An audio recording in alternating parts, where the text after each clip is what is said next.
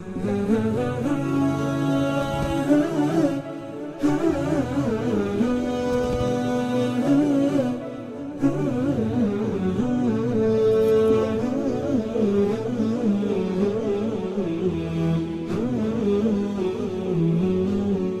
الله الرحمن الرحيم الحمد لله رب العالمين وصلى الله وسلم وبارك على سيدنا ونبينا محمد وعلى اله وصحبه اجمعين اللهم علمنا ما ينفعنا وانفعنا بما علمتنا وارزقنا جميعا الإخلاص والسداد في القول والعمل. حياكم الله أيها الإخوة والأخوات في هذا اللقاء آه، الثامن بعد المئة من لقاءات التعليق على تفسير الإمام عبد الله بن عمر البيضاوي الشافعي رحمه الله تعالى. وكنا وقفنا في الدرس الماضي آه، عند الآية آه، الثمانين بعد المئة من سورة آل عمران. وهي قول الله سبحانه وتعالى ولا يحسبن الذين يبخلون بما آتاهم الله من فضله هو خيرا لهم بل هو شر لهم سيطوقون ما بخلوا به يوم القيامة. ولله ميراث السماوات والأرض والله بما تعملون خبير. والسورة كما مر معنا تتحدث تحدثت عن مناظرة مع أهل الكتاب طويلة ثم جاء الحديث عن غزوة أحد. وما وقع فيها للصحابة الكرام والنبي صلى الله عليه وسلم. ثم جاء الحديث بعدها عن الابتلاء وما ينبغي للمؤمن أن يكون عليه من الصبر والثبات. ثم جاء الحديث عن اليهود وعداوتهم للنبي صلى الله عليه وسلم وبخلهم وشحهم ولا زال الحديث متصلا حول هذه المسألة. في ثنايا الحديث عن الابتلاء. ولذلك سوف يأتي ينهي, ينهي الحديث الآن عن هؤلاء عن اليهود ثم يكمل الحديث عن الابتلاء ثم تختتم السورة بعد ذلك. فلعلنا نبدأ من قوله تعالى لقد سمع الله قول الذين قالوا إن الله فقير ونحن أغنياء. تفضل يا شيخ أحمد. بسم الله والحمد لله والصلاة والسلام على رسول الله صلى الله عليه وسلم. قال الإمام البيضاوي رحمه الله ونفعنا الله بعلومه في الدارين آمين. لقد سمع الله قول الذين قالوا إن الله فقير ونحن أغنياء. قالته اليهود لما سمعوا من ذا الذي يقرض الله قرضا حسنا؟ وروي أنه عليه الصلاة والسلام كتب مع أبي بكر رضي الله تعالى عنه إلى يهود بني قينقاع يدعوهم إلى الإسلام وإقام الصلاة وإيتاء الزكاة. وأن يقرضوا الله قرضا حسنا. فقال فنحاص ابن عازوراء إن الله فقير حتى سأل القرض. فلطمه أبو بكر رضي الله عنه على وجهه وقال لولا ما بيننا من العهد لضربت عنقك. فشكاه إلى رسول الله صلى الله عليه وسلم وجحد ما قاله فنزلت. والمعنى أنه لم يخفى عليه وأنه أعد لهم العقاب عليه. سنكتب ما قالوا وقتلهم الأنبياء بغير حق أي سنكتبه في صحائف الكتبة أو سنحفظه في علمنا لا نهمله لأنه كلمة عظيمة إذ هو كفر بالله عز وجل واستهزاء بالقرآن والرسول صلى الله عليه وسلم. ولذلك نظمه مع قتل الأنبياء. وفيه تنبيه على أنه ليس أول جريمة ارتكبوها وأن من اجترأ على قتل الأنبياء لم يستبعد منه أمثال هذا القول وقرأ حمزة سيكتب بالياء وضمها وفتح التاء وقتلهم بالرفع ويقول بالياء ونقول ذوقوا عذاب الحريق أي وننتقم منهم بأن نقول لهم ذوقوا العذاب المحرق وفيه مبالغات في الوعيد والذوق إدراك الطعوم وعلى الاتساع يستعمل لإدراك سائر المحسوسات والحالات. وذكره ها هنا لأن العذاب مرتب على قولهم الناشئ عن البخل والتهالك على المال وغالب حاجة الإنسان إليه لتحصيل المطاعم ومعظم بخله به للخوف من فقدانه ولذلك كثر ذكر الأكل مع المال. نعم آه، يقول الله سبحانه وتعالى لقد سمع الله قول الذين قالوا إن الله فقير ونحن أغنياء. وهذه المقولة قالها بعض اليهود. قالها بعض اليهود كما ذكر البيضاوي هنا. يقول قالته اليهود لما سمعوا من ذا الذي يقرض الله قرضا حسنا. يعني عندما سمعوا الآية الساب الآية التي نزلت في سورة البقرة وفي غيرها من ذا الذي يقرض الله قرضا حسنا قال أحدهم وهو كما ذكرته بعض الروايات أنه فنحاص ابن عازوراء بعض الروايات تذكر أنه من علمائهم وبعضهم يذكر أنه من رؤسائهم وليس من علمائهم. فقال هذه الكلمة بحضرة أبي بكر فغضب أبو بكر رضي الله عنه ولطمه كما في هذه الرواية. واليهود يصدر منهم مثل هذا وهذا من سوء أدبهم مع الله سبحانه وتعالى. قد ذكر الله في القرآن الكريم نماذج من سوء أدب اليهود مع الأنبياء ومع الله سبحانه وتعالى. وهذه يعني صفة اتصف بها اليهود دون سائر الملل سوء الأدب مع الله وسوء الأدب مع الأنبياء عليهم الصلاة والسلام.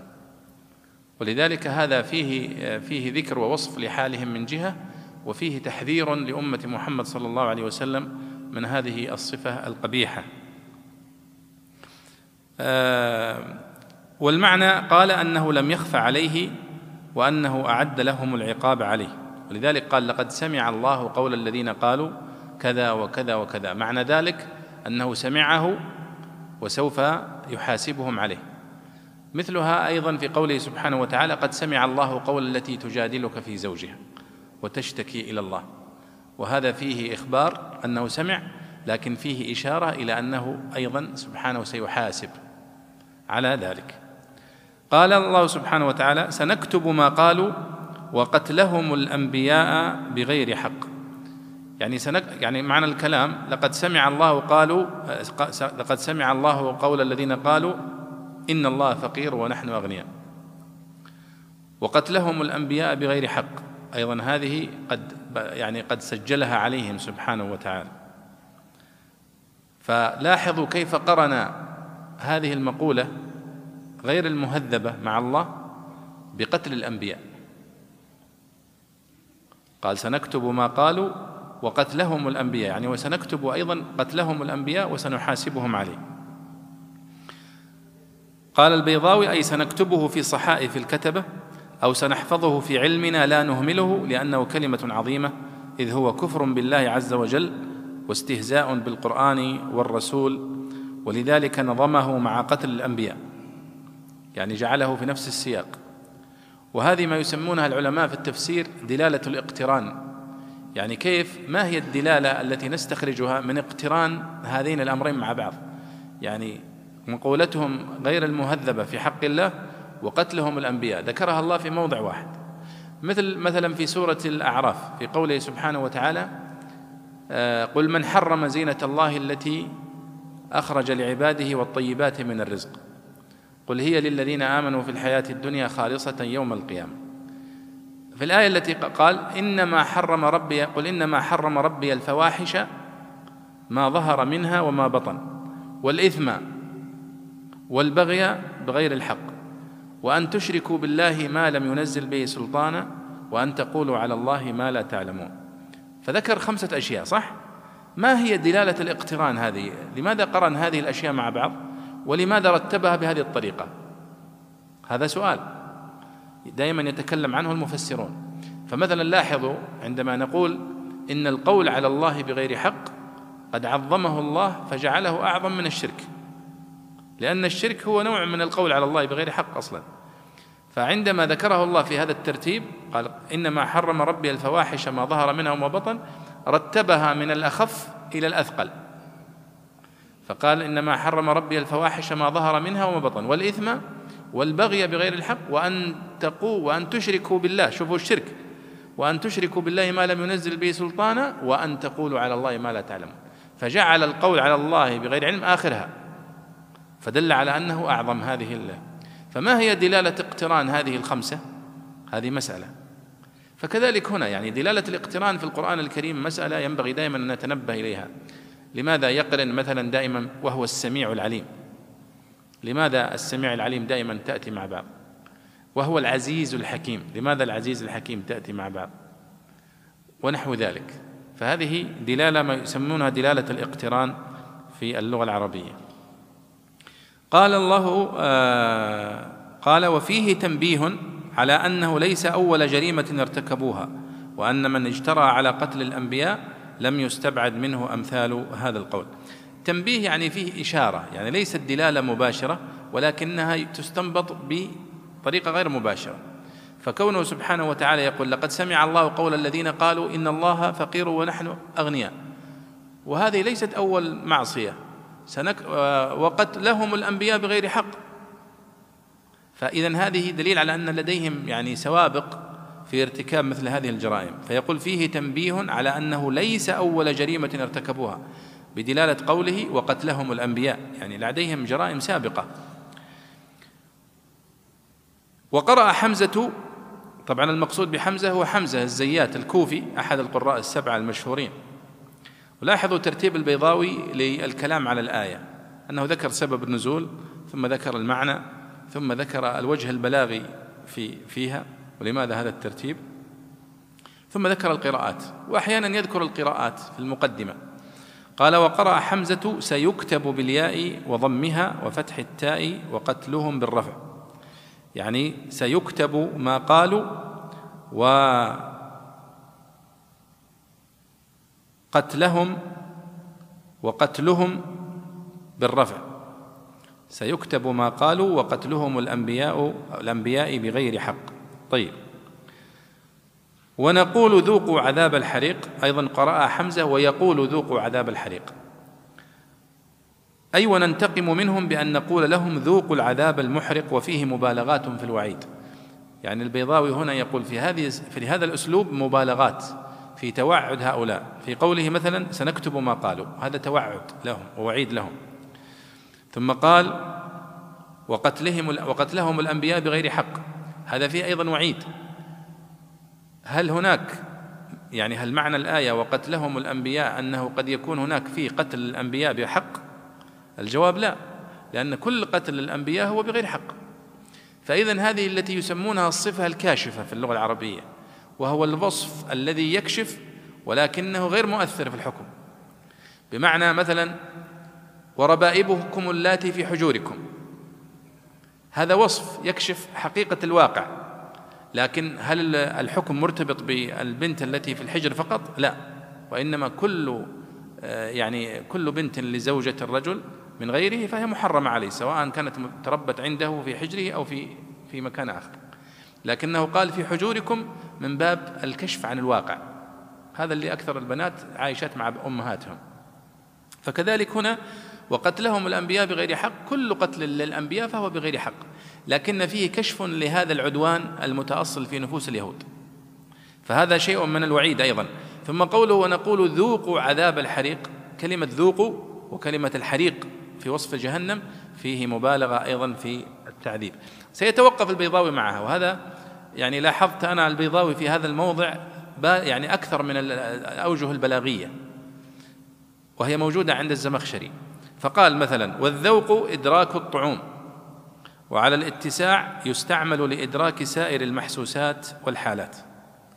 وذكره ها هنا لأن العذاب مرتب على قولهم الناشئ عن البخل والتهالك على المال وغالب حاجة الإنسان إليه لتحصيل المطاعم ومعظم بخله به للخوف من فقدانه ولذلك كثر ذكر الأكل مع المال. وهذه كلمة جميلة جدا من البيضاوي في بيان هذا الوجه البلاغي لهذه الآيات. فيقول مثلا ونقول ذوقوا عذاب الحريق تلاحظون في الحواس الخمس للإنسان لها تعبيرات خاصة بها. فيقال فيما يشم بالأنف يقال شم كذا وكذا للمشمومات. ويقال للأشياء التي تذاق باللسان ذوق فيقال ذاق الطعام ونحو ذلك. ويقال أبصر بعينه و لكن تستخدم بعض العبارات. فمثلا الذوق قلنا أنه للمطعومات الأشياء التي تذاق باللسان. لكنه هنا استخدمه في شيء يحس ولا يذاق. فقوله ونقول ذوقوا عذاب الحريق. ذق ذوق العذاب كأنه يستطعمه بلسانه. في حين أنه لا يستطعم باللسان وإنما هو الذي يشعر به كما قال الله الجلد.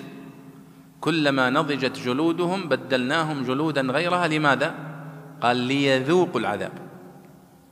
ليذوقوا العذاب. فالتعبير بالذوق هنا هو على الاتساع كما يقول البيضاوي هنا. يقول وعلى الاتساع يستعمل لإدراك سائر المحسوسات والحالات. ما معنى الاتساع؟ المقصود بالاتساع يا شباب هو المجاز.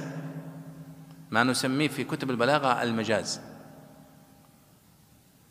يسميه سيبويه ويسميه كثير من اللغويين الاتساع في اللغة العربية.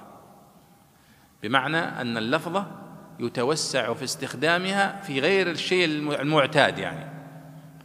فيقال ذق العذاب كما قال ذق إنك أنت العزيز الكريم. أو يقال ذاق الهوان. ويقول الله النبي صلى الله عليه وسلم ذاق طعم الإيمان. من آمن بالله ربا إلى آخره. ذاق طعم الإيمان.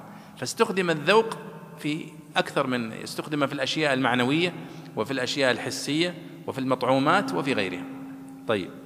قال وذكره ها هنا لأن العذاب مرتبا مرتب على قولهم الناشئ عن البخل على المال. وغالب حاجة الإنسان إليه لتحصيل المطاعم. فاستخدم الذوق. يعني يقول غالب الإنسان حرصه على المال وغالب أصلا الأشياء التي يشتريها بالمال هي الطعام فاستخدم الذوق في هذا. وهذا توجيه لطيف وهو توجيه الزمخشري بالمناسبة. لأني كما قلنا مرارا أن البيضاوي رحمه الله يعتمد على الزمخشري بنسبة تقريبا 98% فيما يتعلق بالبلاغة. قال وغالب ومعظم بخله به للخوف من فقدانه ولذلك كثر ذكر الأكل مع المال. هذه لفتة جميلة. لما جاء ذكرها في في أول سورة النساء وهذه ستأتي معنا ما ذكرها البيضاوي. وفي قوله سبحانه وتعالى إن الذين يأكلون أموال اليتامى ظلما إنما يأكلون في بطونهم نارا. فعبر بالأكل والمقصود به مطلق التصرف. فأكل مال اليتيم ليس بالضرورة أن يكون اكلا. قد يكون استيلاء على أرض استيلاء على بيت استيلاء على مال آه، ونحو ذلك. ولكن الله سماه اكلا لمال اليتيم. طيب لماذا عبر بالأكل والمقصود به مطلق التصرف؟ البيضاوي هنا يعلل تعليل تعليل جميل يعني. يقول إن معظم يعني حاجة الإنسان تكون في الأكل ولذلك يعني يعبر به ويذكر بدل الأكل كثيرا. طيب. قال رحمه الله قال رحمه الله ذلك إشارة إلى العذاب بما قدمت أيديكم من قتل الأنبياء وقولهم هذا وسائر معاصيهم عبر بالأيدي عن الأنفس لأن أكثر أعمالها بهن وأن الله ليس بظلام للعبيد عطف على ما قدمت وسببيته للعذاب من حيث إن نفي الظلم يستلزم العدل المقتضي إثابة المحسن ومعاقبة المسيء. جميل. يعني أن هذا العذاب والوعيد الذي توعده الله لهؤلاء بما قدمت أيديكم، ذلك بما قدمت أيديكم وأن الله ليس بظلام للعبيد. هنا لاحظوا البيضاوي يعني يفسر لماذا قال ذلك بما قدمت أيديكم ولم يقل ذلك بما عملتم فيعبر بالأيدي عن مطلق العمل. نفس الفكرة الاتساع التي قبل قليل في توسع العرب في اللغة. وكما يقولون في العربية مثلا يداك أوكتا وفوك نفخ. يعني هذا شغلك. هذا عملك.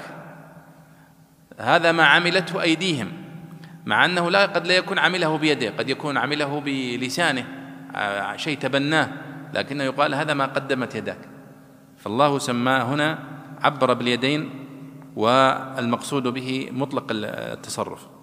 وأن الله ليس بظلام للعبيد عطف على ما قدمت. لكن هنا لاحظوا نفي الظلم يستلزم العدل المطلق. في صفات الله سبحانه وتعالى. وهنا الله قال ليس بظلام. وهذه صيغة مبالغة. قد يقول قائل طيب هل نفي المبالغة في الظلم تدل على أنه يوجد شيء من الظلم الخفيف؟ أن ليس الله بظالم للعبيد؟ لا. قالوا إن هذا دلالة على النفي وعلى استكمال نفي أي ظلم. بدليل أنه في القرآن الكريم قد جاء النفي الظلم مطلقا وجاء إثبات العدل مطلقا. مثلا ووضع ونضع الموازين القسط ليوم القيامة. فلا تظلم نفس شيئا. وإن كان مثقال حبة من خردل أتينا بها وكفى بنا حاسبين. وهذا إثبات للعدل المطلق. وأيضا يعني إشارة إلى مهما كانت دقته فهو يعني كمال العدل. أيضا مثل قوله فمن يعمل مثقال ذرة خيرا يره ومن يعمل مثقال ذرة شرا يره وكذلك هنا في نفي ولا وما ربك وأن الله ليس بظلام للعبيد. ولاحظوا حتى في هذا الوصف أنه جاء بصيغة مبالغة ظلام وجاء بوصف العبيد. لأن المتبادر دائما أن الإنسان قد يتجاوز مع عبيده فيظلمهم لكنه لا يفعل ذلك مع أقرانه مع الأحرار. وهذا لما لما يعني بقي يعني بقي في نفوس العرب من امتهانهم للموالي والعبيد. فالله سبحانه وتعالى يقول بالرغم من أنكم عبيد لي إلا أن الله سبحانه وتعالى لا يظلمكم. وهذا لا شك أنه دلالة على نفي أي لون من ألوان الظلم في حق الله سبحانه وتعالى. وطبعا هم يقولون دائما في قاعدة من قواعد الأسماء والصفات أن نفي الصفة يعني يدل على كمال ضدها في حق الله سبحانه وتعالى. فنفي الظلم هنا يدل على كمال العدل وهكذا. طيب. قال رحمه الله الذين قالوا هم كعب بن الأشرف ومالك وحيي وفنحاص ووهب بن يهوذا إن الله عهد إلينا أمرنا في التوراة وأوصانا. ألا نؤمن لرسول حتى يأتينا بقربان تأكله النار بألا نؤمن لرسول حتى يأتينا بهذه المعجزة الخاصة التي كانت لأنبياء بني إسرائيل وهو أن يقرب بقربان فيقوم النبي فيدعو فتنزل نار سماوية فتنزل نار سماوية فتأكله أي تحيله إلى طبعها بالإحراق وهذا من مفترياتهم وأباطيلهم لأن أكل النار القربان لم يوجب الإيمان إلا لكونه معجزة فهو, فهو وسائر المعجزات شرع في ذلك. قل قد جاءكم رسل من قبلي بالبينات وبالذي قلتم فلم قتلتموهم إن كنتم صادقين؟ تكذيب وإلزام بأن رسلا جاءوهم قبله كزكريا ويحيى بمعجزات أخر موجبة للتصديق وبما اقترحوه فقتلوهم. فلو كان الموجب للتصديق هو الإتيان به وكان توقفهم وامتناعهم عن الإيمان لأجله فما لهم لم يؤمنوا بما جاء به بما جاء به في معجزات أخر واجترأوا على قتله. طبعا لاحظوا أن هذا الحديث والجدل آه، هو مع مع علماء بني إسرائيل في المدينة. يعني هذه السورة سورة مدنية والله سبحانه وتعالى يذكر لنا ما يدور بينهم وبين النبي صلى الله عليه وسلم من جدل ونقاش. وهم على اطلاع يعرفون الكتاب ويعرفون ما فيه. النبي صلى الله عليه وسلم أمي لا يعرف شيئا مما ما في كتبهم إلا بالوحي. لاحظوا هنا هم يقولون للنبي صلى الله عليه وسلم الذين قالوا إن الله عهد إلينا ألا نؤمن لرسول حتى يأتينا بقربان تأكله النار. ما يمكن مكتوب يقولون مكتوب عندنا في التوراة أنه لا نصدق أي نبي يأتي إلينا ويدعي النبوة إلا إذا جاءنا بقربان تأكله النار. كانت هذه من من في الأمم السابقة وبعض العلماء يذكر أنها من أيام آدم عليه الصلاة والسلام كما ذكر عن ابني آدم. آه واتلو عليهم نبأ ابني آدم إذ قرب قربانا فتقبل من أحدهما ولم يتقبل من الآخر. قالوا كيف تقبل من أحدهما؟ أنه قدم قربانا فجاءت نار فأكلته وأحرقته فهذه علامة على قبول هذا هذا القربان. وأما الذي لم تأكله النار فدليل على أنه لم تقبل لم يقبل الله منه. هكذا يقولون. فهم يقولون هؤلاء للنبي صلى الله عليه وسلم مكتوب عندنا في التوراة أنه لا يمكن أن نصدق أي نبي إلا إذا جاء بقربان وقربه قيل أنه يذبح ذبيحة ثم يتركها فتأتي النار فتحرقها. وقيل أنه يقدم أي شيء طعام أو شيء فتأتي النار فتحرقه. وقالوا وأوصانا الا نؤمن لرسول حتى يأتينا بقربان بأن لا نؤمن لرسول حتى يأتينا بهذه المعجزة الخاصة التي كانت لأنبياء بني إسرائيل. طيب. الب... لا البيضاوي هنا يقول هذا من مفترياتهم وأباطيلهم. هذا غير صحيح اولا أن هذا موجود في التوراة. وهذا طبعا تصحيح لما يدعونه. والنبي صلى الله عليه وسلم ما كان يعرف. الموجود عندهم في التوراة ولا شيء. وهذا من من يعني من دلائل من دلائل نبوته عليه الصلاة والسلام. رجل أمي ما يقرأ ولا يكتب ثم يأتي يناقض يناقش العلماء هؤلاء المتخصصين وبالرغم من ذلك يرد عليهم ويفحمهم. ثم يستدل عليهم دليل عقلي جميل جدا. قل قد جاءكم رسل من قبلي. يعني رد عليهم يا محمد فقل لهم قد جاءكم رسل من قبلي بالبينات وبالذي قلتم. يعني جاءوا بقربان وتقبل منهم. قد جاءكم رسل من قبلي بالبينات وبالذي قلتم.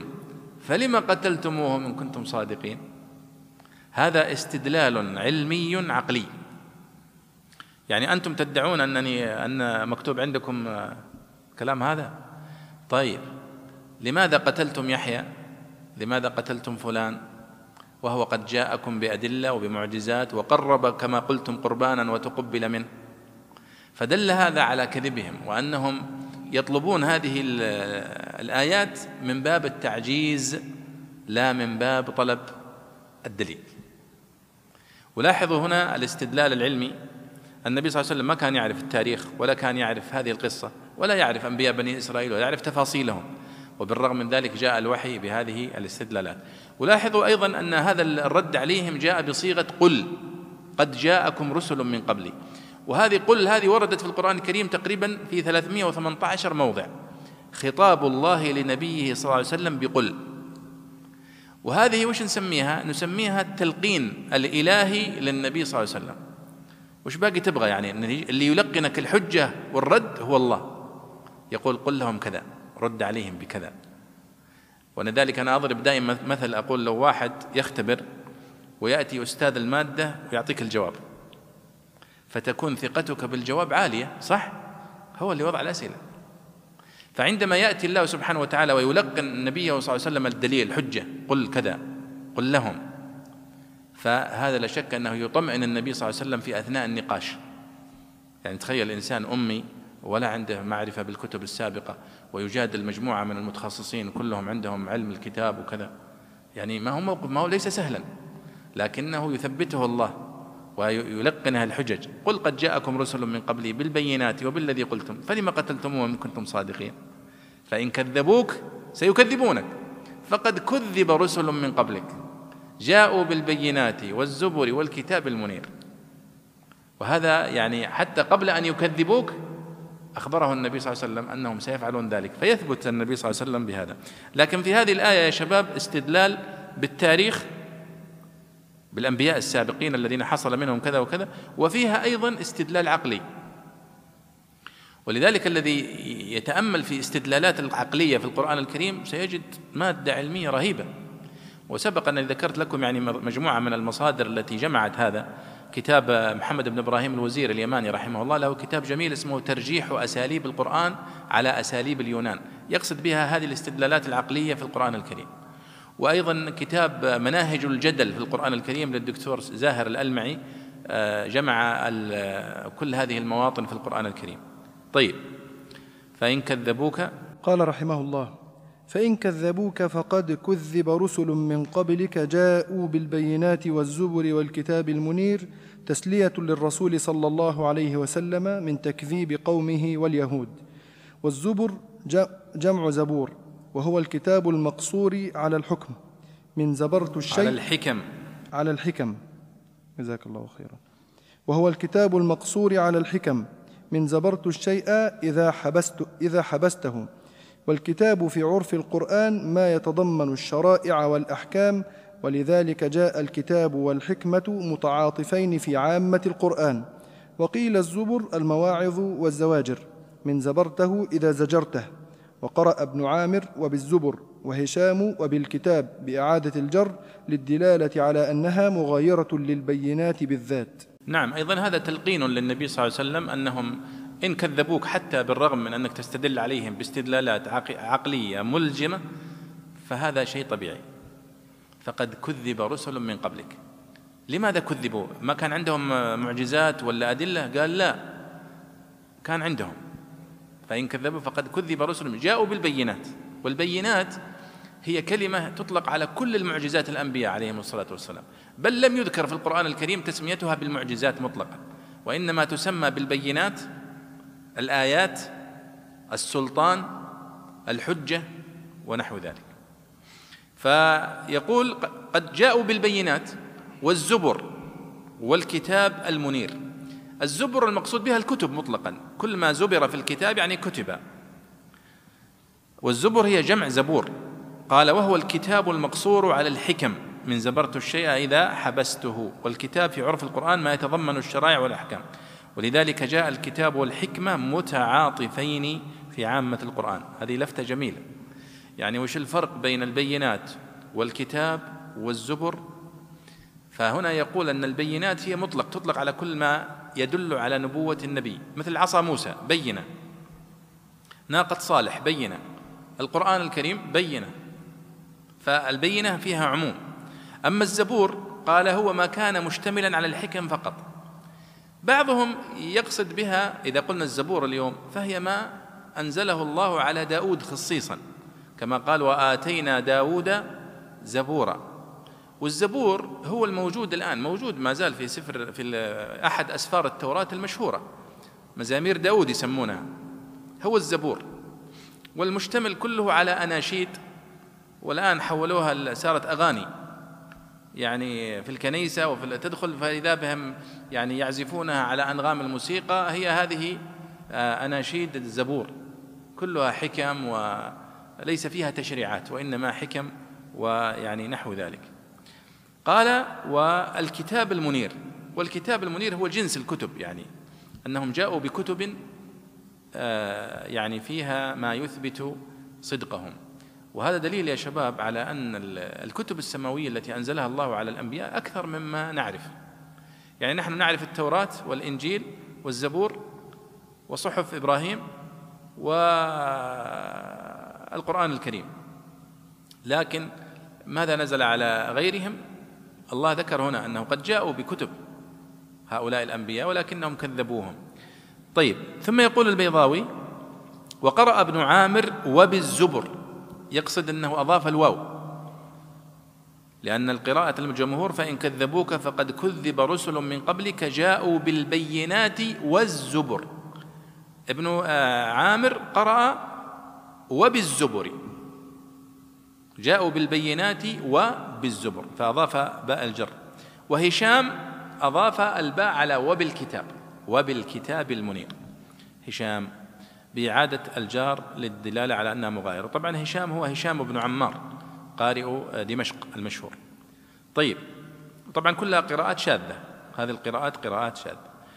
طبعا ذكر هو قراءة أخرى وبالكتاب. عفوا لا لا هذه الآية التي بعدها. تفضل تفضل يا أحمد. قال رحمه الله كل نفس ذائقة الموت وعد ووعيد للمصدق والمكذب.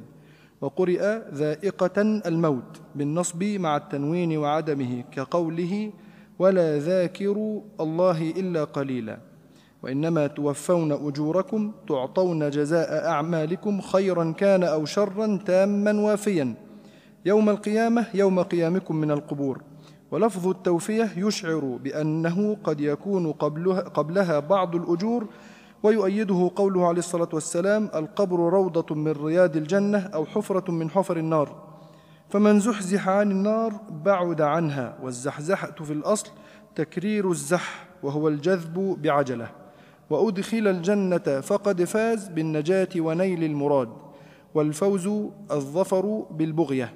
وعن النبي صلى الله عليه وسلم من أحب أن يزحزح عن النار ويدخل, الجنة فلتدركه منيته وهو يؤمن بالله واليوم الآخر ويأتي إلى الناس ما يحب أن يؤتى إليه. وما الحياة الدنيا أي لذاتها وزخارفها إلا متاع الغرور شبهها شبهها بالمتاع الذي يدل يدلس به على على المستام ويغر حتى يشتريه. وهذا لمن آثرها على الآخرة. فأما من طلب بها الآخرة فهي له متاع بلاغ والغرور مصدر أو جمع غار. كل نفس ذائقة الموت وإنما توفون أجوركم يوم القيامة. فمن زحزح عن النار وأدخل الجنة فقد فاز. هذه كلية من كليات القرآن الكريم. كل نفس ذائقة الموت. لفظة كل هي من الألفاظ التي تدل على العموم في الأصول اللغة العربية. فمعنى هذه الآية أن كل نفس منفوسة من البشر ومن الحيوانات وغيرها سوف تذوق الموت. كل نفس ذائقة الموت لا يستثنى منها شيء حتى ملك الموت كما في الحديث صح؟ يقول هنا وعد ووعيد للمصدق والمكذب. كل نفس ذائقة الموت وعد ووعيد. فهي وعد للمؤمن للمصدق. أن المصدق سوف يذوق الموت وسوف يكون له ما بعدها من النعيم ومن الخير ومن الفضل. ووعيد للمكذب. قلت ألاحظوا هذا من بلاغة كتاب الله واللغة العربية بصفة عامة. وقرئ ذائقة ذائقة الموتى. مكتوب هنا وقرئ ذائقة الموتى. ما ما فيه قراءة بذائقة الموتى. يعني بالنصب والفتح. وإنما القراءة هي ذائقة الموتى. فهي قراءة بالتنوين بالضم وهي قراءة شاذة لليزيدي وبعض القراء. كل نفس ذائقة الموتى بالنصب مع التنوين وعدمه كقوله ولا ذاكر الله إلا قليلا هذا شاهد نحوي مشهور. ولا ذاكر الله وش هو الشاهد فيه؟ هو نصب لفظ الجلالة باسم الفاعل ذاكر. فإن ذاكر إذا قلت ذاكر الله عمل عمل الفعل وهو يذكر الله. فاسم الفاعل إذا نون فإنه يعمل عمل فعله. ولا ذاكر الله إلا قليلا. فيقول هنا ذائقة الموتى فعمل ذائق اللي هو اسم الفاعل عمل الفعل يذوق يعني كل نفس تذوق الموتى يعني معنى الكلام. وإنما توفون أجوركم يوم القيامة. تعطون جزاء أعمالكم خيرا كان أو شرا تاما وافيا. لاحظ هنا وش يقول شو اسمه البيضاوي؟ يقول ولفظ التوفية يشعر بأنه قد يكون قبلها بعض الأجور. يعني أنهم في ذلك الموقف يوم القيامة يوفون الأجور. يأخذون الحساب النهائي. معنى ذلك أنهم قد أخذوا بعض الأجور قبل ذلك. فقال يؤيده حديث النبي صلى الله عليه وسلم قوله القبر روضة من رياض الجنة أو حفرة من حفر النار. بمعنى أنك تأخذ أجرك من يوم تخش القبر. بل ربما قبل ذلك حتى مع نزع الروح. فإن المؤمن تنزع روحه بهدوء. وهذا بداية الثواب. ثم في القبر يكون روضة من رياض الجنة. ثم يعني يبعث بسرعة. وهكذا. ثم يأتي في آخر نوفيه الحساب. فتوفية الحساب إشارة إلى أنها يعني أشبه ما تكون بالدفعة الأخيرة في الحساب. هذا معنى قوله توفون أن يعرف من كلمة توفى أنه سبق أنك أخذت جزء من الحساب والآن توفى بقية الحساب. فمن زحزح عن النار وأدخل الجنة فقد فاز. زحزح عن النار أبعد عنها لكن في كلمة زحزح فيها إيحاء صح؟ كلمة زحزح حتى لو أسأل وش معنى زحزح؟ أن تتصور أن فيه شيء من الصعوبة في النجاة. زحزح. حتى لو تقول تزحزح. في اللغة العربية المضاعف مثل زلزل جلجل زحزح. عندما يصير مضاعف الأول والثالث نفس الحرف. جلجل زلزل. ومثل هنا زح زح فهو حرفين مكررة صح؟ زحزحه. زحزحة. زلزله زلزلة. آه، وهكذا. ففيه معنى الاضطراب فيه معنى الصعوبة. فقال فالزحزحة في الأصل تكرير الزح يعني الدفع وهو الجذب بعجلة. وأدخل الجنة فقد فاز بالنجاة ونيل المراد والفوز هو الظفر بالبغية. ثم ذكر حديث ابن عمرو بن العاص وهو في صحيح مسلم من أحب أن يزحزح عن النار ويدخل الجنة فلتدركه منيته وهو يؤمن بالله واليوم الآخر ويأتي إلى الناس ما يحب أن يؤتى إليه. الزمخشري رحمه الله قال كلمة في هذه الآية. قال وأي فوز أعظم من ذلك؟ في هذه الآية. فمن زحزح عن النار وأدخل الجنة فقد فاز. فقال وأي فوز أعظم من ذلك؟ جاء البلقيني. وأحيانا عندما يتتبع المعتزلة يعني هو معتزلي ويدعو إلى بدعته ويبالغ في ذلك فيعني العلماء من أهل السنة الذين تصدوا له بالغوا مثل مبالغته فأخذوا يترصدون له على الشاردة والواردة. فقال البلقيني عند هذه الآية ماذا يقصد عدو الله؟ بقوله وأي فوز أعظم من ذلك؟ ما ما لفت نظر يعني كثير من الناس وش ما فيها شيء هذه. لا شك أن الفوز من بالجنة والنجاة من النار أعظم فوز. قال لا هو يريد أن ينفي رؤية الله في الجنة. فيقول أن الأعظم الفوز هو أن تدخل الجنة. والصحيح أن أعظم الفوز هو أن ترى الله في الجنة. لكن أنا أرى أن هذا نوع من التحامل على الزمخشري. وإلا في قوله تعالى للذين أحسنوا الحسنى وزيادة. بالإجماع عند المفسرين أن الزيادة هي رؤية الله في الجنة. لكن آه، يعني آه، يبالغ بعضهم في تتبع مثل هذه التفاصيل. قال وما الحياة الدنيا إلا متاع الغرور. متاع الغرور هو المتاع الذي يخدع به صاحبه. فيشتريه ظنا أنه جيد ويبين أنه ليس كذلك. فيقال هذا متاع الغرور. وهنا يقول أن الغرور إما أنها مصدر فيقال غره غرورا وإما أن تكون جمع غار. يعني غار يعني بمعنى الذي يغرك ويخدعك مأخوذ من بيع الغرر. الغرر هو مأخوذ من الخديعة يعني بيع الخدعة أو بيع الغرر أو بيع الغش أو فيه. فجمع غرور الجمع غرور والمفرد غار أو غر. طيب. الآن يأتي الحديث يا شباب الآن شوفوا النبي صلى الله عليه وسلم جادلوه هؤلاء ويعني رد عليهم عليه الصلاة والسلام. ستختم الآيات الآن لاحظوا من الآن إلى الأخير في الحديث عن الابتلاء وسنة الله سبحانه وتعالى في الابتلاء. لا تبلون في أموالكم وأنفسكم. ويأتي الحديث فيها. نعم.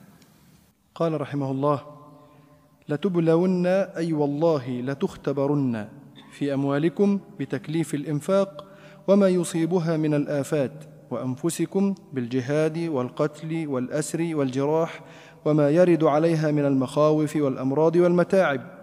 ولتسمعن من الذين أوتوا الكتاب من قبلكم ومن الذين أشركوا أذى كثيرا من هجاء الرسول صلى الله عليه وسلم والطعن في الدين وإغراء الكفرة على المسلمين أخبرهم بذلك قبل وقوعها ليوطنوا أنفسهم على الصبر والاحتمال ويستعدوا للقائها حتى لا يرهقهم نزولها. وإن تصبروا على ذلك وتتقوا مخالفة أمر الله فإن ذلك يعني الصبر والتقوى من عزم الأمور من معزومات الأمور التي يجب العزم عليها أو مما عزم الله عليه أي أمر به وبالغ فيه. والعزم في الأصل ثبات الرأي على الشيء نحو إمضائه.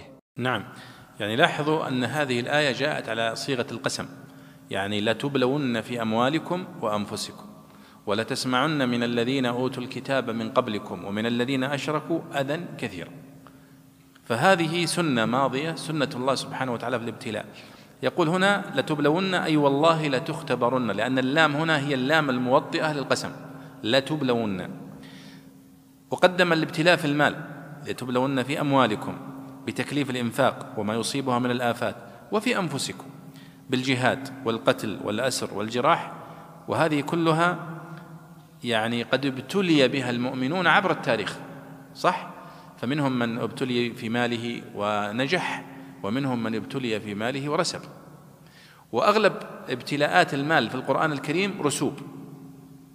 تأملوها في القرآن الكريم. نادر الذي ينجح في اختبار المال. قارون رسب صاحب الجنتين في سورة الكهف رسب صح؟ آه، عندما قال إنما أوتي آه، إنما أوتيت على علم عندي عندما قال آه، واضرب لهم مثل الرجلين جعلنا لأحدهما جنتين من أعناب وحففناهما بنخل لا معروفة القصة. آه، تأملوا أصحاب الجنة أصحاب الجنة في في سورة آه، القلم رسبوا. لما أرادوا أن يمنعوا الصدقة. وتأملوا في ذلك تجدوا أن أكثر الذين ابتلوا بالمال في القرآن الكريم رسبوا. فتنة المال فتنة عظيمة. قليل من تجده ينفق ويعطي ويبذل ويتصدق ويعني لأن الذي يفعل ذلك كما قال الله ومن يوق شح نفسه. لأن النفس شحيحة في المال. ولذلك لاحظوا لما يعني انتصر أو, أو نجح في الحديث اللي في البخاري ثلاثة من بني إسرائيل أقرع وأبرص وأعمى. فانتصر الأخير فاز. لما قال هذا كله من فضل الله. فخذ ما شئت ودع ما شئت. أنا كنت فقير ما عندي شيء وكنت كذا. قال بارك الله لك فقد رضي الله عنك وسخط على صاحبك. فعلا لأنه شوف نجح واحد واثنين رسبوا في, في, في هذه الفتنة. فهي فتنة عظيمة ولذلك قدمت هنا الفتنة في المال. قال وفي أنفسكم. الابتلاء في النفس. يبتلى الإنسان في صحته يبتلى في بالتعذيب يبتلى بالقتل يبتلى بالنفي من بلده يبتلى بالأمراض يبتلى ب فالإنسان المؤمن معرض لذلك. قال ولا تسمعن من الذين أوتوا الكتاب من قبلكم ومن الذين أشركوا أذى كثيرا. وهذا أيضا من أشد البلاء. عندما يسمع الإنسان من أعداء الإسلام إهانة للدين لو للقرآن أو للنبي صلى الله عليه وسلم أو استهزاء وهذا قديما وحديثا. ويقول هنا أخبرهم بذلك قبل وقوعها ليوطنوا أنفسهم على الصبر والاحتمال ويستعدوا للقائها. فالله قد أخبرنا في القرآن الكريم في مواضع كثيرة أن الابتلاء هو سنة ماضية. ما هو بقصة ذهبت ولا تعود. لا أصحاب الأخدود هي سنة. أحرق أصحاب الأخدود لكن اليوم من يحرق بسبب دينه أليس كذلك؟ فقصة أصحاب الأخدود هي سنة. يعذب الناس ويبتلى الناس من أجل دينهم فقط. شوفوا الآن في العالم آه، اليوم كم يعني يبتلى المسلمون في كل موضع. هذه السنة. ولذلك لو تقرؤون يا شباب سورة العنكبوت وهي تكاد تكون أبرز سورة في القرآن الكريم في تخصيص عن الفتنة ولذلك سميت سورة الفتنة. ألف لام ميم أحسب الناس أن يتركوا أن يقولوا آمنا وهم لا يفتنون؟ ولقد فتنا الذين من قبلهم فليعلمن الله الذين صدقوا وليعلمن الكاذبين. أم حسب الذين يعملون السيئات أن يسبقون ساء ما يحكمون؟ من كان يرجو لقاء الله فإن أجل الله لآت وهو السميع العليم. ومن جاهد فإنما يجاهد لنفسه. إلى آخر السورة كلها تتحدث عن الابتلاء وسنة الابتلاء وأن الإيمان ليس مجرد دعوة أو كلام باللسان وإنما سوف يأتي الاختبار والتمحيص فيبتلى الإنسان على قدر إيمانه. وكما قال النبي صلى الله عليه وسلم أشد الناس بلاء الأنبياء. ثم الأمثل فالأمثل. نسأل الله أن يلطف بنا. قال وإن تصبروا وتتقوا فإن ذلك من عزم الأمور. يعني بلغك بأن هذا ترى هذه سنة ترى سيحدث لك كذا وكذا والمخرج من ذلك هو الصبر. وإن تصبروا وتتقوا يعني على ذلك فإن ذلك من عزم الأمور. من عزم الأمور يعني أنه من الأمور الصعبة التي تحتاج إلى عزيمة. وكما أخبر قال أيضا لقمان يا بني أقم الصلاة وأمر بالمعروف وانهى عن المنكر واصبر على ما أصابك إن ذلك من عزم الأمور. فعلا فهذا هو معنى من عزم الأمور في هذا الآية. نعم. قال رحمه الله وإذ أخذ الله أي يذكر وقت أخذه ميثاق الذين أوتوا الكتاب يريد به العلماء. لتبيننه للناس ولا تكتمونه حكاية لمخاطبتهم. وقرأ ابن كثير وأبو عمرو وعاصم في رواية ابن في رواية ابن عياش بالياء لأنهم غيب. واللام جواب القسم الذي ناب عنه قوله أخذ الله ميثاق الذين والضمير للكتاب. فنبذوه أي الميثاق وراء ظهورهم فلم يراعوه ولم, يل ولم يتلفتوا إليه. والنبذ وراء الظهر مثل في ترك الاعتداد وعدم الالتفات ونقيضه جعله نصب عينيه وإلقاؤه بين عينيه. واشتروا به أخذوا بدله ثمنا قليلا من حطام الدنيا وأعراضها. فبئس ما يشترون يختارون لأنفسهم. عن النبي صلى الله عليه وسلم من كتم علما عن أهله ألجم بلجام من نار. وعن علي رضي الله تعالى عنه ما أخذ الله على أهل الجهل أن يتعلموا حتى أخذ على أهل العلم أن يعلموا. نعم. آه، لاحظوا كلمة قالها البيضاوي في الآية التي سبقت جميلة في قوله ولتسمعن من الذين أوتوا الكتاب من قبلكم ومن الذين أشركوا أذى كثيرا. لماذا قال الذين أوتوا الكتاب ذكر الكتاب هنا؟ قال فيه إشارة إلى أن أكثر ما يفعلونه من السخرية والاستهزاء يستندون فيه بزعمهم إلى ما في كتابهم المقدس. ولذلك تلاحظون أكثر الذين يسخرون ويستهزئون قساوسة. قسيس وما قسيس.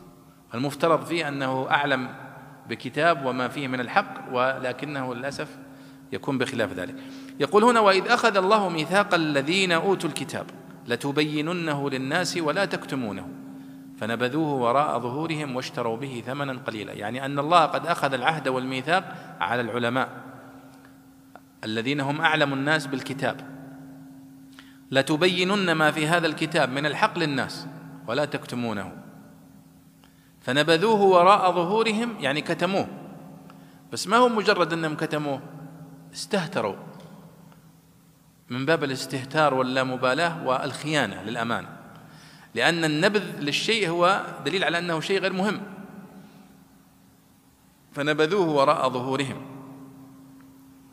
نبذه بمعنى ألقاه بطريقة لا تدل على الاحترام. هذا هو النبذ. قال فنبذوه وراء ظهورهم واشتروا به ثمنا قليلا. هنا إشارة إلى خيانة هؤلاء العلماء للأمانة التي تحملوها.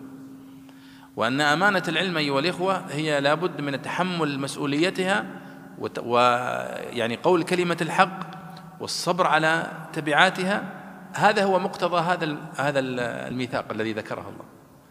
ولذلك الله سبحانه وتعالى ذكر العالم الصادق وأن منزلته في منزلة عظيمة وبالعكس العالم الكذاب المنافق أنه شبهه الله في القرآن الكريم بأخس مثلين.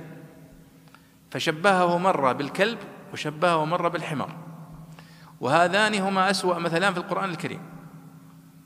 قال الله واتلو عليهم نبأ الذي آتيناه آياتنا فانسلخ منها. كبها مرة واحدة. فانسلخ منها فأتبعه الشيطان فكان من الغاوين. ولو شئنا لرفعناه بها ولكنه أخلد إلى الأرض. نفس معنى اشتروا به ثمنا قليلا. أخلد إلى الأرض يعني رضي بما أعطي من الدنيا وقال ترخص وخلى العلم كله. قال ولكنه أخلد إلى الأرض واتبع هواه. فمثله كمثل الكلب. إن تحمل عليه يلهث وتتركه يلهث. وفي سورة البقرة قال مثل الذين حملوا التوراة ثم لم يحملوها كمثل الحمار يحمل أسفارا. والعياذ بالله. قوله هنا وإذا أخذ الله ميثاق الذين أوتوا الكتاب لتبيننه للناس ولا تكتمونه قال على الخطاب لتبيننه للناس ولا تكتمونهم أيها العلماء. وفي قراءة ابن كثير وأبي عمرو وعاصم في رواية حمزة رواية شعبة ليبيننه للناس ولا يكتمونه. على صيغة الغائب. قال واشتروا به مثل آه، ثمنا قليلا من حطام الدنيا وأعراضها. فبئس ما يشترون. يعني ذم لهم. يقول النبي صلى الله عليه وسلم من كتم علما عن أهله ألجم بلجام من نار. وعن علي رضي الله تعالى عنه ما أخذ الله على أهل الجهل أن يتعلموا حتى أخذ على أهل العلم أن يعلموا. طيب. قال رحمه الله لا تحسبن الذين يفرحون بما أتوا ويحبون أن يحمدوا بما لم يفعلوا فلا تحسبنهم بمفازة من العذاب الخطاب للرسول صلى الله عليه وسلم. ومن ضم الباء جعل الخطاب له وللمؤمنين. والمفعول الأول الذين يفرحون والثاني بمفازة. وقوله فلا تحسبنهم تأكيد.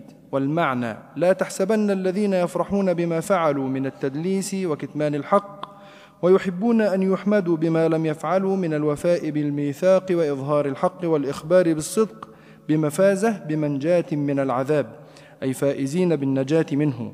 وقرأ ابن كثير وأبو عمرو بالياء وفتح الباء في الأول وضمها في الثاني على أن الذين فاعل ومفعولا ومفعولا يحسبن فاعل ومفعولا يحسبن محذوفان يدل عليهما مفعولا مؤكده.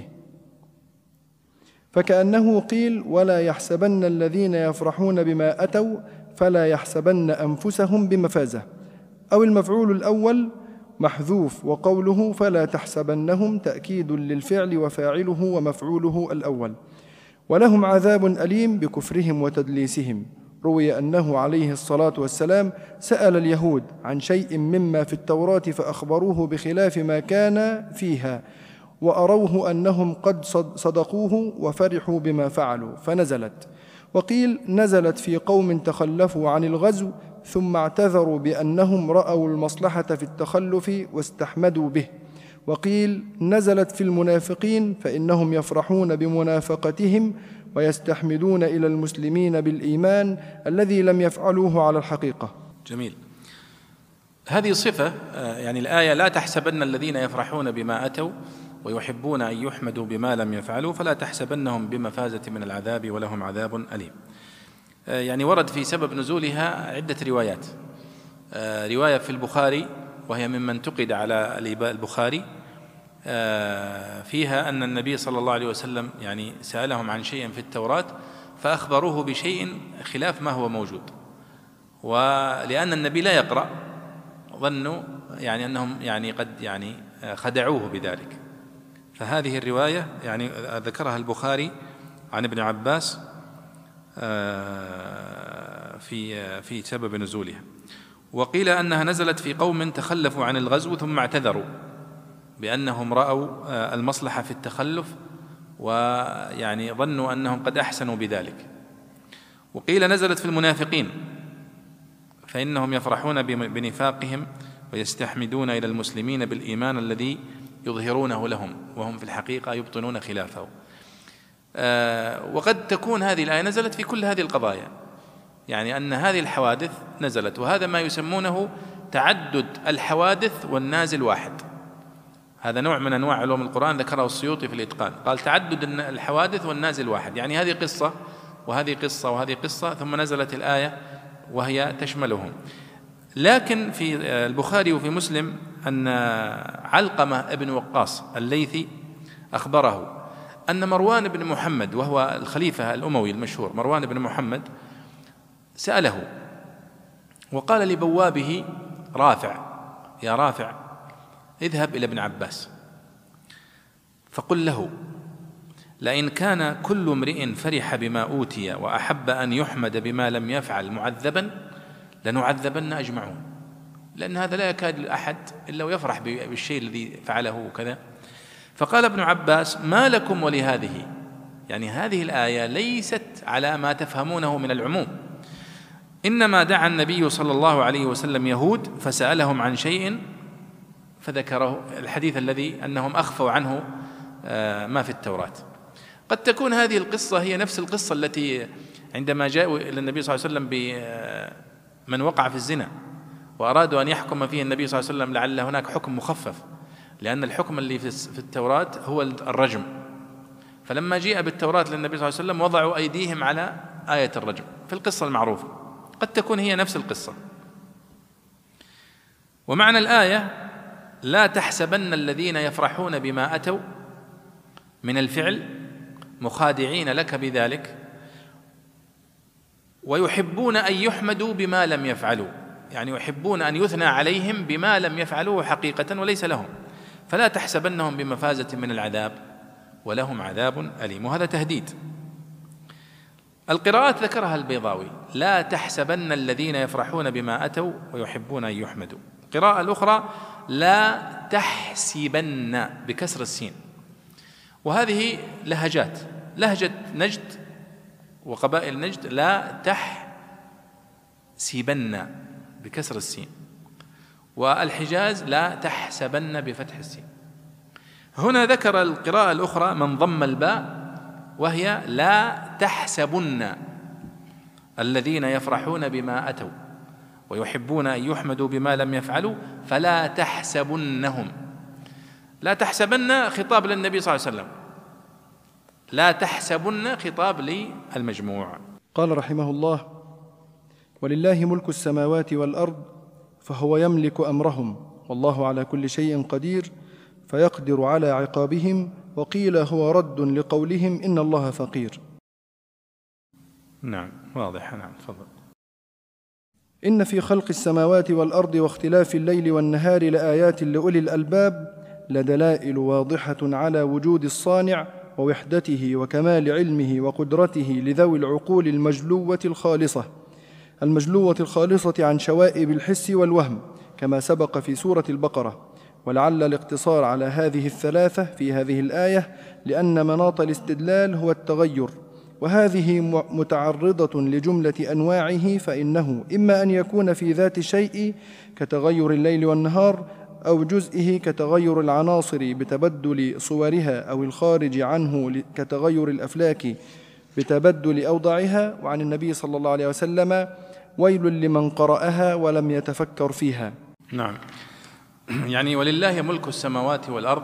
يعني هذا جاء الحديث بعد أن ذكر الذين يبخلون والذين يعني يبتلون المؤمنين وإلى آخره ثم قال ولله ملك السماوات والأرض والله على كل شيء قدير. بمعنى أن الله سبحانه وتعالى متصرف في هذا الكون وأنه لا يخرج شيء فيه قط عن ملكه. فكل ما يصيب المؤمن ومن البلاء فهو لا يخرج عن ملك الله. ولذلك لاحظوا في سورة العنكبوت عندما قال في أولها أم حسب الذين يعملون السيئات أن يسبقون يعني هؤلاء الذين يعذبون المؤمنين ويبتلونهم هل يتوقعون أنهم بذلك سوف ينجون من عذاب الله ومن مؤاخذته؟ الجواب لا. ثم تنتقل الآيات الآن في الختام السورة إلى الأمر بالتفكر وهذه من أعظم الآيات في القرآن الكريم. إن في خلق السماوات والأرض واختلاف الليل والنهار لآيات لأولي الألباب. الذين يذكرون الله قياما وقعودا. وعلى جنوبهم. فاستغرق كل الحالات ويتفكرون في خلق السماوات والأرض. ربنا ما خلقت هذا باطلا سبحانك فقنا عذاب النار إلى آخره. ستأتي معنا. يقول هنا إن في خلق السماوات والأرض واختلاف الليل والنهار لآيات لأولي الألباب. آيات معناها أدلة واضحة جلية على أن الله هو الخالق وأنه هو المستحق للعبادة. وهذا الأسلوب في القرآن الكريم كثير وهو الاستدلال بالربوبية على الألوهية. لأن النبي صلى الله عليه وسلم أرسل إلى قوم مشركين لا يعترفون بأن الله مستحق للعبادة وحده لا شريك له. وإن كانوا يقرون بالربوبية فيقرون بأنه هو الذي خلقهم ورزقهم وأنه هو الذي يخلق السماوات والأرض إلى آخره. لذلك قال ولئن سالتهم من خلق السماوات والارض ليقولن الله فاذا هم معترفون بالربوبيه لكنهم غير معترفين بالالوهيه هذه الايات وامثالها في القران الكريم تقرر ان الخالق الذي خلق السماوات والارض والرازق هو المستحق للعباده بالعقل فهذا هو يعني من أهم يعني ما في هذه الآيات وأمثالها هو الاستدلال بها على توحيد الله واستحقاقه للعبادة. قال لدلائل واضحة على وجود الصانع. طبعا يعبر الكلام أهل الكلام يعبرون بالصانع يعني الخالق سبحانه وتعالى. نحن نفضل أن يستخدم كلمة أصل الخالق كما وصف بها نفسه. على وجود الصانع ووحدته ووحدته يعني ووحدانيته. وكمال علمه وقدرته لذوي العقول المجلوة الخالصة عن شوائب الحس والوهم. قال ولعل الاقتصار على هذه الثلاثة يعني خلق السماوات والأرض اختلاف الليل والنهار لأن مناط الاستدلال هو التغير وهذه متعرضة لجملة أنواعه فإنه إما أن يكون في ذات الشيء كتغير الليل والنهار أو جزئه كتغير العناصر العناصر خلق السماوات والأرض بتبدل صورها أو الخارج عنه كتغير الأفلاك بتبدل أوضاعها. وعن النبي صلى الله عليه وسلم قال ويل لمن قرأها ولم يتفكر فيها. وهذا الحديث أخرجه ابن حبان وفي سنده كما يقول آه، المحقق هنا آه، يعني آه، شيء من المقال. طيب كمل الآيات؟ هذه آيات عظيمة سوف يأتي الحديث عليها. قال رحمه الله الذين يذكرون الله قياما وقعودا وعلى جنوبهم أي يذكرونه دائما على الحالات كلها قائمين وقاعدين ومضجعين وعنه عليه الصلاة والسلام من أحب أن يرتع في رياض الجنة فليكثر ذكر الله. وقيل معناه يصلون على الهيئات الثلاث حسب طاقتهم لقوله عليه الصلاة والسلام لعمران بن حسين صل قائما فإن لم تستطع فقاعدا فإن لم تستطع فعلى جنب تومئ إيماء. فهو حجة للشافعي رضي الله عنه في أن المريض يصلي مضجعا على جنبه الأيمن مستقبلا بمقاديم بمقاديم بدنه. ويتفكرون في خلق السماوات والأرض استدلالا واعتبارا. وهو أفضل العبادات كما قال عليه الصلاة والسلام لا عبادة كالتفكر لأنه المخصوص بالقلب والمقصود من الخلق. وعنه عليه الصلاة والسلام بينما رجل مستلق على فراشه إذ رفع رأسه فنظر إلى السماء والنجوم فقال أشهد أن لك ربا وخال أشهد أن لك ربا وخالقا. اللهم اغفر لي. فنظر الله إليه فغفر له. وهذا دليل واضح على واضح على شرف علم الأصول وفضل أهله. ربنا ما خلقت هذا باطلا على إرادة القول أن يتفكرون قائلين ذلك. وهذا إشارة إلى المتفكر إلى المتفكر فيه أي الخلق على أنه أريد به المخلوق من السماوات والأرض أو إليهما لأنهما في معنى المخلوق. والمعنى ما خلقته عبثا ضائعا من غير حكمة بل خلقته لحكم عظيمة من جملتها أن يكون مبدأ مبدأ لوجود أن يكون مبدأ لوجود الإنسان وسببا لمعاشه ودليلا يدله على مع على معرفتك ويحثه على طاعتك لينال الحياة الأبدية والسعادة السرمدية في جوارك. سبحانك تنزيها لك من العبث وخلق الباطل وهو اعتراض. فقنا عذاب النار للإخلال بالنظر فيه والقيام بما يقتضيه. وفائدة الفاء هي الدلالة على أن علمهم بما لأجله خلقت السماوات والأرض حملهم على الاستعاذة. نعم. هذه الآية هي صفة لأولي الألباب الذين ذكرهم في الآية التي قبلها. قال آه إن في خلق السماوات والأرض واختلاف الليل والنهار لآيات لأولي الألباب. وأولي الألباب هم أصحاب العقول. الذين يعملون عقولهم في التفكر في خلق الله سبحانه وتعالى ويستدلون بهذه المخلوقات العظيمة على توحيد الله وعلى عظمة الله وعلى آه، الإيمان به إلى آخره. ثم أخذ يفصل في صفات هؤلاء اصحاب العقول أولي الألباب. فقال أول صفة الذين يذكرون الله قياما وقعودا وعلى جنوبهم ويتفكرون في خلق السماوات والأرض. ربنا ما خلقت هذا باطلا سبحانك فقنا عذاب النار. اذا أول صفة من صفات هؤلاء المؤمنين اصحاب العقول هو كثرة ذكرهم لله سبحانه وتعالى. فقال الذين يذكرون يعني جاء التعبير هنا بصيغة الفعل المضارع التي تدل على ماذا؟